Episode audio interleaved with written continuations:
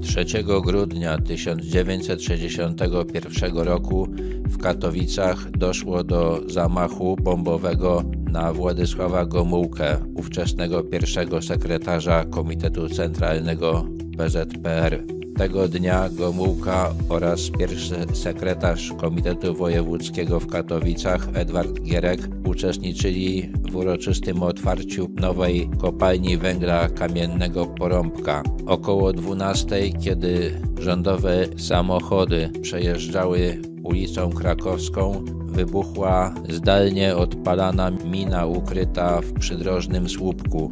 Wybuch uszkodził jedną z rządowych limuzyn, ale nie było w niej ani Gomułki ani Gierka, ponieważ jeszcze przebywali na terenie kopalni. Poszkodowani zostali przechodzący nieopodal górnik oraz dziewczynka. Górnik zmarł w szpitalu, a dziewczynka przeżyła, ale została częściowo sparaliżowana. Zamachowcem okazał się Stanisław Jaros z zawodu elektryk, który jeszcze w 1959 roku przygotował podobną bombę, którą odpalił podczas przejazdu Władysława Gomułki i Nikity Chruszczowa. Wtedy bomba została umieszczona na drzewie.